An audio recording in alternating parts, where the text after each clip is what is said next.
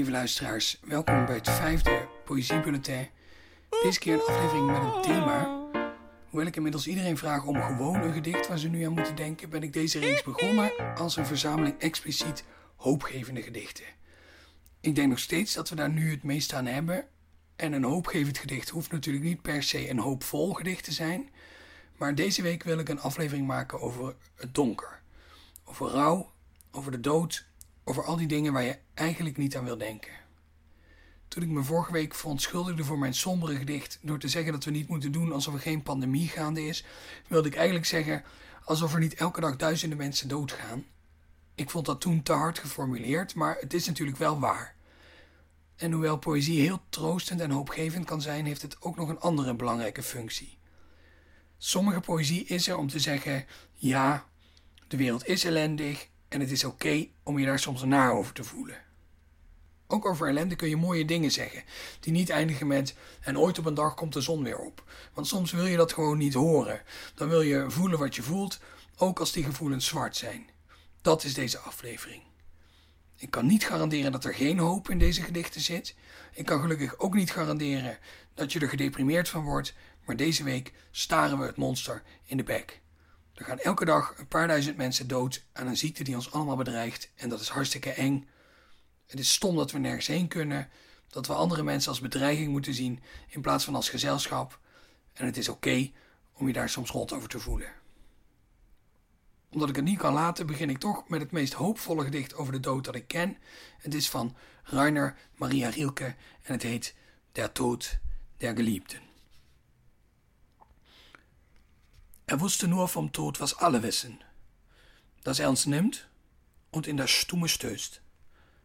Als aber sie, nicht von ihm fortgerissen, nein, leis aus seinen Augen ausgelöst, hinüberglitt zu unbekannten Schatten, und als er fühlte, dass sie drüben nun wie einen Mond ihr Mädchenlächeln hatten und ihre Weise wohl zu tun, da wurden ihm die Toten so bekannt, als wäre er durch sie mit einem jeden ganz nah verwandt. Er ließ die anderen reden und glaubte nicht und nannte jenes Land das Gutgelegene, das immer Süße, und tastete es ab für ihre Füße. Als je een aflevering over het donker een Rielke-vertaling wil lezen, dan is er, sorry Peter Verstegen, maar één keuze, de vertaling van, daar is hij weer, Menno Wigman. De dood van de geliefde. Hij wist slechts van de dood wat alle weten: dat hij ons neemt en ruw verstommen doet. En toch, toen zij, niet van hem weggereten, nee, zachtjes uit zijn ogen weggevloeid, naar onbekende schimmen was vergleden, en toen hij dacht hoe zij haar meisjeslag bezaten als een maan, en zelfs beneden ervoer hoe zij hen daarvan troost voorzag, toen werden hem de doden zo bekend als was zij, dankzij haar, met elk van hen verbroederd.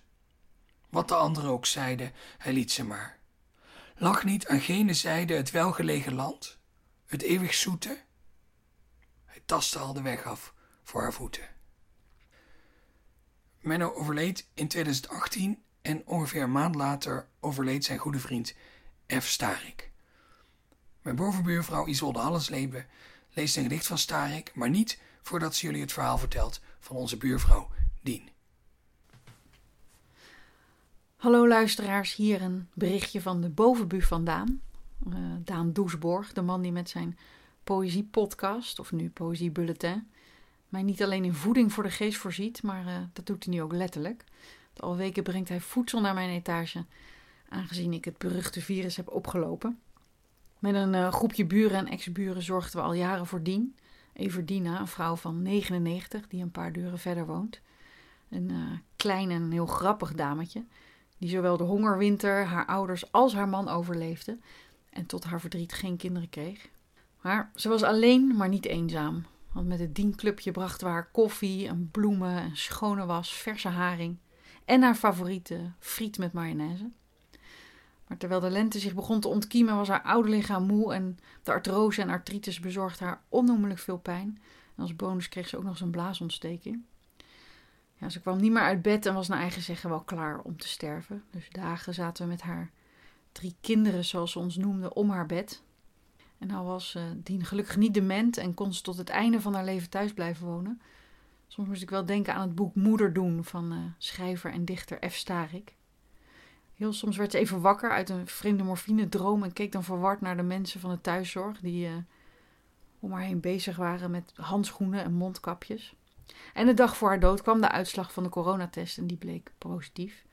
Nou ja, haar besmetten was geen zorg meer, dus uh, besloot ik mijn handschoenen uit te doen. Ik dacht, je sterft maar één keer en ik wilde er gewoon kunnen strelen zonder blauw plastic ertussen. En dan maar het risico om zelf besmet te worden. En op zondag 22 maart uh, stopte Dien met ademen, terwijl ik haar hand vasthield. Nou, wij gingen met de hele club gingen we in quarantaine, dus uh, organiseerden de uitvaart buiten op straat. Wat eigenlijk veel beter bij paste dan een aula. En het was ook nog stralend weer. En de wagen met haar kist stopte voor de deur. Uh, de Cubaanse buurvrouw zong een lied. Er was een speech en Maria Callas zong luid terwijl Dien langzaam de straat uitreed. Nou, we volgden haar nog tot aan het crematorium. En dan heb ik voor de deur nog wel een traantje weggepinkt in mijn helm. Weer denkend trouwens aan Starik, aan uh, de eenzame uitvaart. Dit bulletin staat in het teken van rouw. En vanochtend vroeg was ik weer even bij het graf van uh, F. Starik, of Strikje zoals ik hem noemde. Het groot voordeel van een begraafplaats is dat je in ieder geval niet bang hoeft te zijn om anderen te besmetten. Al bedacht ik me dat ik natuurlijk niet zomaar de gieter mag aanraken. En voor dit bulletin ging ik nog eens door zijn bundels. En uh, hoewel ik in Simpele Ziel wel een uiterst toepasselijke tekst vond, help ons binnen te blijven, uh, wil ik Victoria voordragen. Victoria met een uitroepteken uit de, de gelijknamige bundel. Victoria. Ik ben een zieke vogel die zijn vleugels niet meer spreidt. Hip wat doelloos rond, voer voor een kat, verloren strijd. Ik ben een trage vis, vergeten hoe je grond van water scheidt. Ik kan niet onder en niet boven, niet buiten en niet binnen. Ik weet niet wat ik met en wat ik zonder moet beginnen. Ik ben een afgedankte paraplu, van voor de ontdekking van de zonneschijn. Ik steek gewond omhoog uit scheef gezakte prullenbak. Ik ben volbracht, volledig ingeklapt. Ik ben een leeg papier, verfrommeld, nat, verwaaid, uit een kapot gescheurde vuilniszak. Maar ik ben er nog. Ik ben nog hier. Uh, ja, dit schreef hij voor zijn lief, schrijver en dichter Vrouwtje Tuinman. En zij schreef weer een prachtige bundel over het verlies van Starik. En won daarmee trouwens ook onlangs de grote poëzieprijs. En met permissie van mijn onderbuurman mag ik daar ook nog een gedicht uit voordragen. En uh, dit doe ik stiekem ook een beetje voor zijn kat Loes, die ik al 31 dagen niet mag knuffelen. Uit de bundel Lijfrente. De doden zijn net huisdieren. Meestal zwijgen ze, bewaren je geheimen, kijken bejaard vanuit hun lijstje naar hoe je door je leven waat. Ze gaan nooit meer weg en maken, mits goed gevoederd, geen bezwaar als je af en toe een ander aait.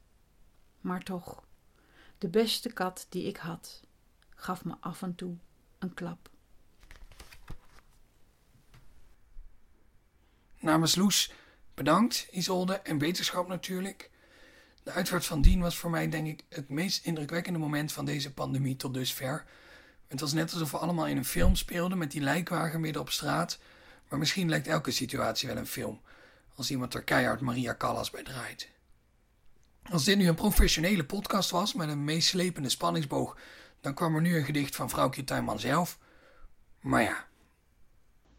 Uit de bundel Een geur van papaver van Stevie Smith vertaald door Katelijne de Vuist, lees ik het gedicht Wat een feest die kleuren wilde.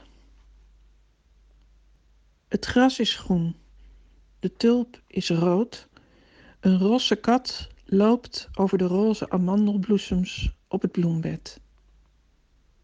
Dat moet volstaan om aan te geven dat we praten over het leven. Wat een feest die kleuren wilde.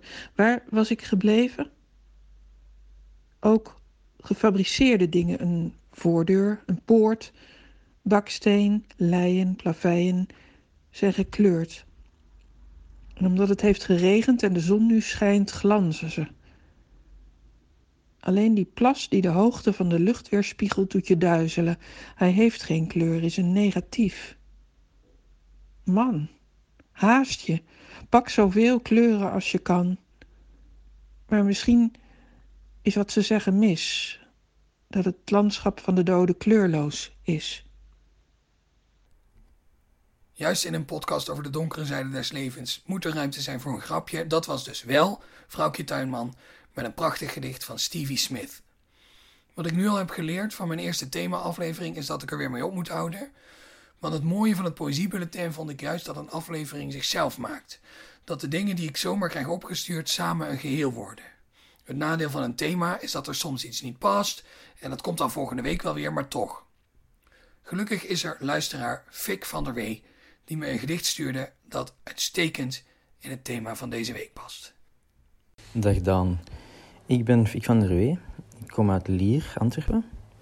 Uh, ik heb zelf een gedicht geschreven. Het gaat over depressie. En ik vind dat de mensen die in depressie leven op deze moment, in deze tijden, een extra hard uh, onder de riem gestoken mogen worden. Het gedicht heet Nachtrijder.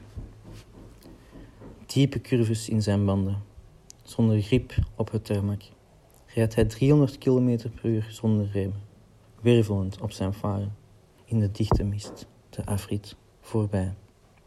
Kristalzale, knisperende hagelballen maken gaten in zijn dashboard. 400 kilometer gereden, vele uren omzeild. De vermoeidheid verleidt zijn oogleden, bezweken en gecrashed. Getuimeld en geblutst ligt hij op zijn kop.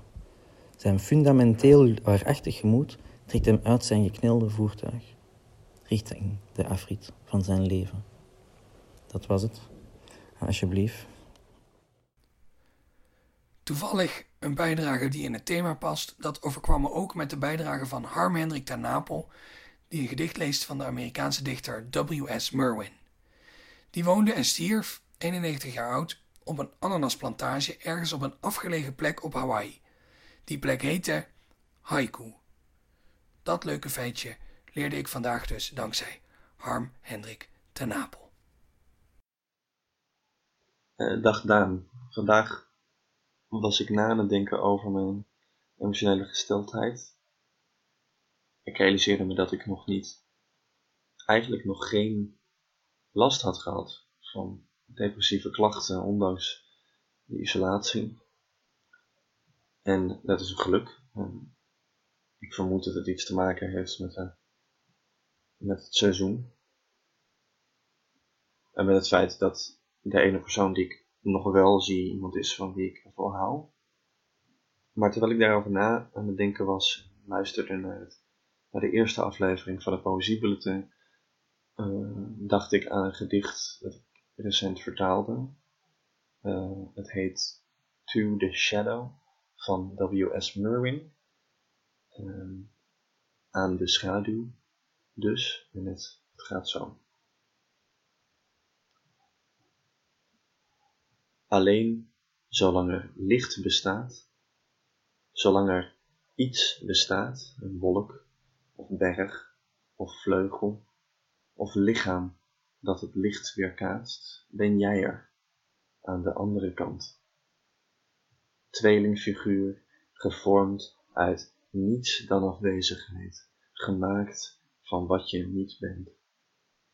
En wij herkennen je als we zwaaien en een deel van het donker tegelijkertijd zwaait, maar niet als een antwoord, noch om te spotten. Nee. Nee. Jij bent niet het zelf dat we kennen van nacht tot nacht. En tot slot neem ik jullie mee naar de tuin van Maria Barnas, die daar tussen de vogeltjes een gedicht leest over de dood, over dieren en over dieren en de dood. Anders nog. Ik kan in de stromende regen over de snelweg razen, met kinderen achterin en zo hard zingen dat ik er niet de hele tijd aan denk dat een verkeerde beweging ons eens klap zou doen verstommen. Dat het mijn schuld is dat mijn stem niet hard genoeg klinkt, niet betrouwbaar is als de vooruit waarin bij een barst een ster verschijnt met bliksemstralen die scherven bijeenhoudt. Dat ik het lied niet goed ken en zelf maar woorden verzamel, verzin die buiten het ritme vallen. Dat ik een slok neem tussendoor en niet achterom kijk om de ster die zich vertakt op het voorhoofd van de slapende kinderen te vermijden. Dat ik het lied niet ben. Ik kan wel vissen eten en uitkramen dat ik vegetariër ben omdat ik geen varkens, geen schapen, geen koeien meer eet. Ik wil de dieren graag recht in de ogen kijken. Maar ze reageren niet als ik van mijn fiets stap, een woord roep. Er is alleen een trage koe die iets in mij herkent. Iets zwaars dat het liefst uit het zicht blijft liggen in de schaduw van wat niet voortdurend is. Ik kan een watermeloen vasthouden op de achterbank en niet over een hoofd beginnen en hoe dat is gespleten. Het vlees rood, de halve schedel schuddend in mijn handen en hem recht houden op schoot. Terwijl de auto over een zandweg vol kuilen stoot, opdat er niets over de rand klotst in de achteruitkijkspiegel kijken of ik een tevreden indruk maak. Wil je echt geen gehaktballen in je soep? Klinkt het en zullen we een commune beginnen voor gelijkgezinden die tegen milieuvervuiling zijn en voor het openen van grenzen. Ik zeg niet wat ik zie drijven in de soep en verslik me in de vraag of vluchtelingen hier welkom zijn. Eet je wel het zwijn misschien dat onze buurman speciaal voor jouw komst heeft geschoten? Het vlees ligt al een nacht in een marinade. Er is ook een zuiglam dat malser is. Ik zie mezelf verstarren in de vitrine van de slager, tussen het naakte vlees waarvan het bloed zich in plasjes op metalen schalen verzamelt, met vouwen in de hoeken, die randen van een barok servies benaderen. Ik doe mijn ogen dicht als mijn moeder eindelijk nee zegt op anders nog en de slager lust worst vraagt, terwijl hij mij aankijkt en ik denk dat hij mijn moeder bedoelt die mij bemoedigend toelacht en ik ja zeg en dank u wel door de dood heen dwing, die als een roze plak in mijn mond ligt, een groot ik dat ik niet kan uitspreken. Ik wil niet denken aan de eicellen van mijn moeder die ik ook moet hebben, en of die opgestapeld liggen als schedels in catacomben, of springen en tollen en joelend door de eileiders rollen. We zijn in de holle vachten allen rood en ergens is een kloppend hart. Met dit prachtige en schrijnende gedicht zijn we aan het einde gekomen van het vijfde Poëziebulletin. Een aflevering over rouwen, de dood en het donker. Niet om onszelf de put in te praten, maar om te accepteren dat we in een enge, verdrietige tijd leven en dat het oké is om je daar soms somber over te voelen. Het is echter ook een tijd van hoop, waarin de vogels alweer fluiten in de tuin, alles mooie kleuren krijgt. Ik zag een ooievaar vandaag. Het is extra leuk om nu een kat te hebben. Buren doen boodschappen voor elkaar en op de grafieken zijn de lijnen voorzichtig aan het dalen. Daarom volgende week weer een aflevering over hoop, met blije gedichten, kleurrijke gedichten swingende gedichten. Deze podcast wordt gemaakt door mij, Daan Doesborg, in samenwerking met de Stichting Literaire Activiteiten Amsterdam.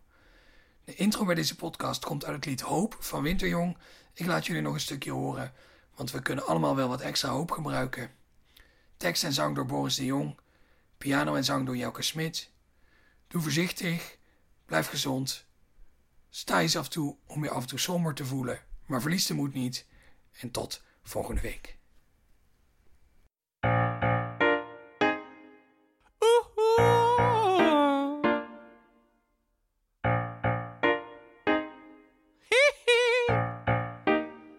Ik stel me voor dat hoop iets is wat je vast kunt pakken. Dat als je hoop opgeeft, het dan liggen blijft waar je het achterliet. Niet ijl en vluchtig, dat het nergens een was plakt. En niet zo onweerlegbaar zwaar als verdriet. Dat zou mooi zijn, mooi zijn, mooi als garantie op een chemokuur. Mooi zijn, mooi zijn, mooi als een deadline, naar de deadline, naar de deadline, naar de deadline.